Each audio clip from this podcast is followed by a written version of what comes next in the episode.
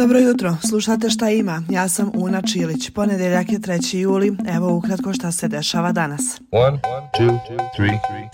Organizacija gradova svjetske baštine danas i sutra u Mostaru održava tehnički sastanak i radionice. U okviru ove organizacije je oko 300 gradova u kojima se nalaze lokaliteti uvršteni na UNESCO-vu listu svjetske baštine.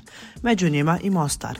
Uglavnom rade na podizanju svijesti o važnosti svih vrijednosti nasljeđa, a fokus sastanka u Mostaru je na umjetnosti i zanatima u gradovima svjetske baštine. Ali moram da podsjetim da se sve ovo dešava nakon što je nedavno mreža za zaštitu kulturnog nasljeđa Europa Nostra objavila listu sedam najugroženijih lokacija u Europi, među kojima je i partizansko groblje u Mostaru. Prošle godine na ovom groblju polupano je oko 700 ploča koje nose imena poginulih boraca. Evo što je o tome rekao historičar Dragan Markovina. Više nije stvar nebrige niti nedostatka političke volje, nego organiziranog ataka na partizansko groblje. Ko je to napravio možemo samo nagađati. Nažalost, evo koliko već prošlo godinu dana policija i dalje ništa nije javno rekla.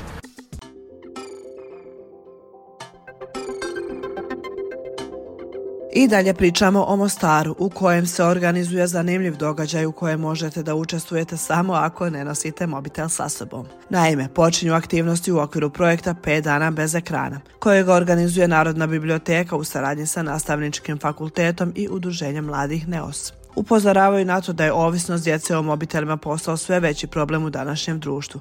Dodaju da pretjerano korištenje mobitela može dovesti do različitih oblika ovisnosti sa negativnim posljedicama za razvoj djeteta. Ovo sve me podsjetilo da smo i ranije govorili o problemu ekranizma i da su istraživanja o medijskim navikama djece u BiH pokazala da djeca u prosjeku provedu skoro 3 sata dnevno uz mobilni telefon, televizor i računar. A ovo je tada poručio Ranko Rajović, magistar neurofiziologije. Djete što više vremena provodi za, za ovim ekranom, manje se kreće. Tako da roditelji jesu odgovorni i savjet jeste što više u parku, prirodu, iskoristite vikend.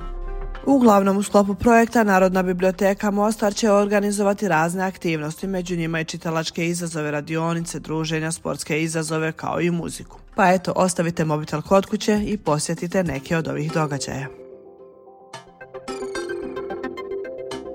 Danas će biti zvanično pokrenut Međunarodni centar za procesuiranje zločina agresije na Ukrajinu.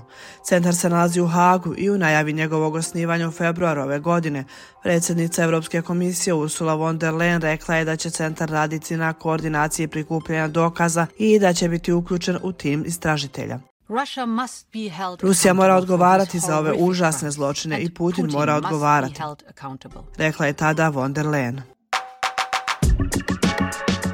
I još da vam za kraj kažem šta treba danas da uradite. Kada krenete u prodavnicu, ponesite ceker. Zašto? Pa zato jer je danas Međunarodni dan bez plastičnih kesa. I zato što možete pomoći u borbi protiv zagađenja tako što nećete koristiti kese, koje često uzmemo i nesvjesno, a koje većinom završe ili negdje zagađujući prirodu ili iza vrata u kesi sa kesama. I Svjetskog fonda za prirodu kažu da plastične kese imaju poseban utjecaj na životinje u okeanu i da im treba oko 20 godina da se raspadnu. A kuda i sve ima, slikovito je opisala moja kolegica Nevena u podcastu o reciklaži.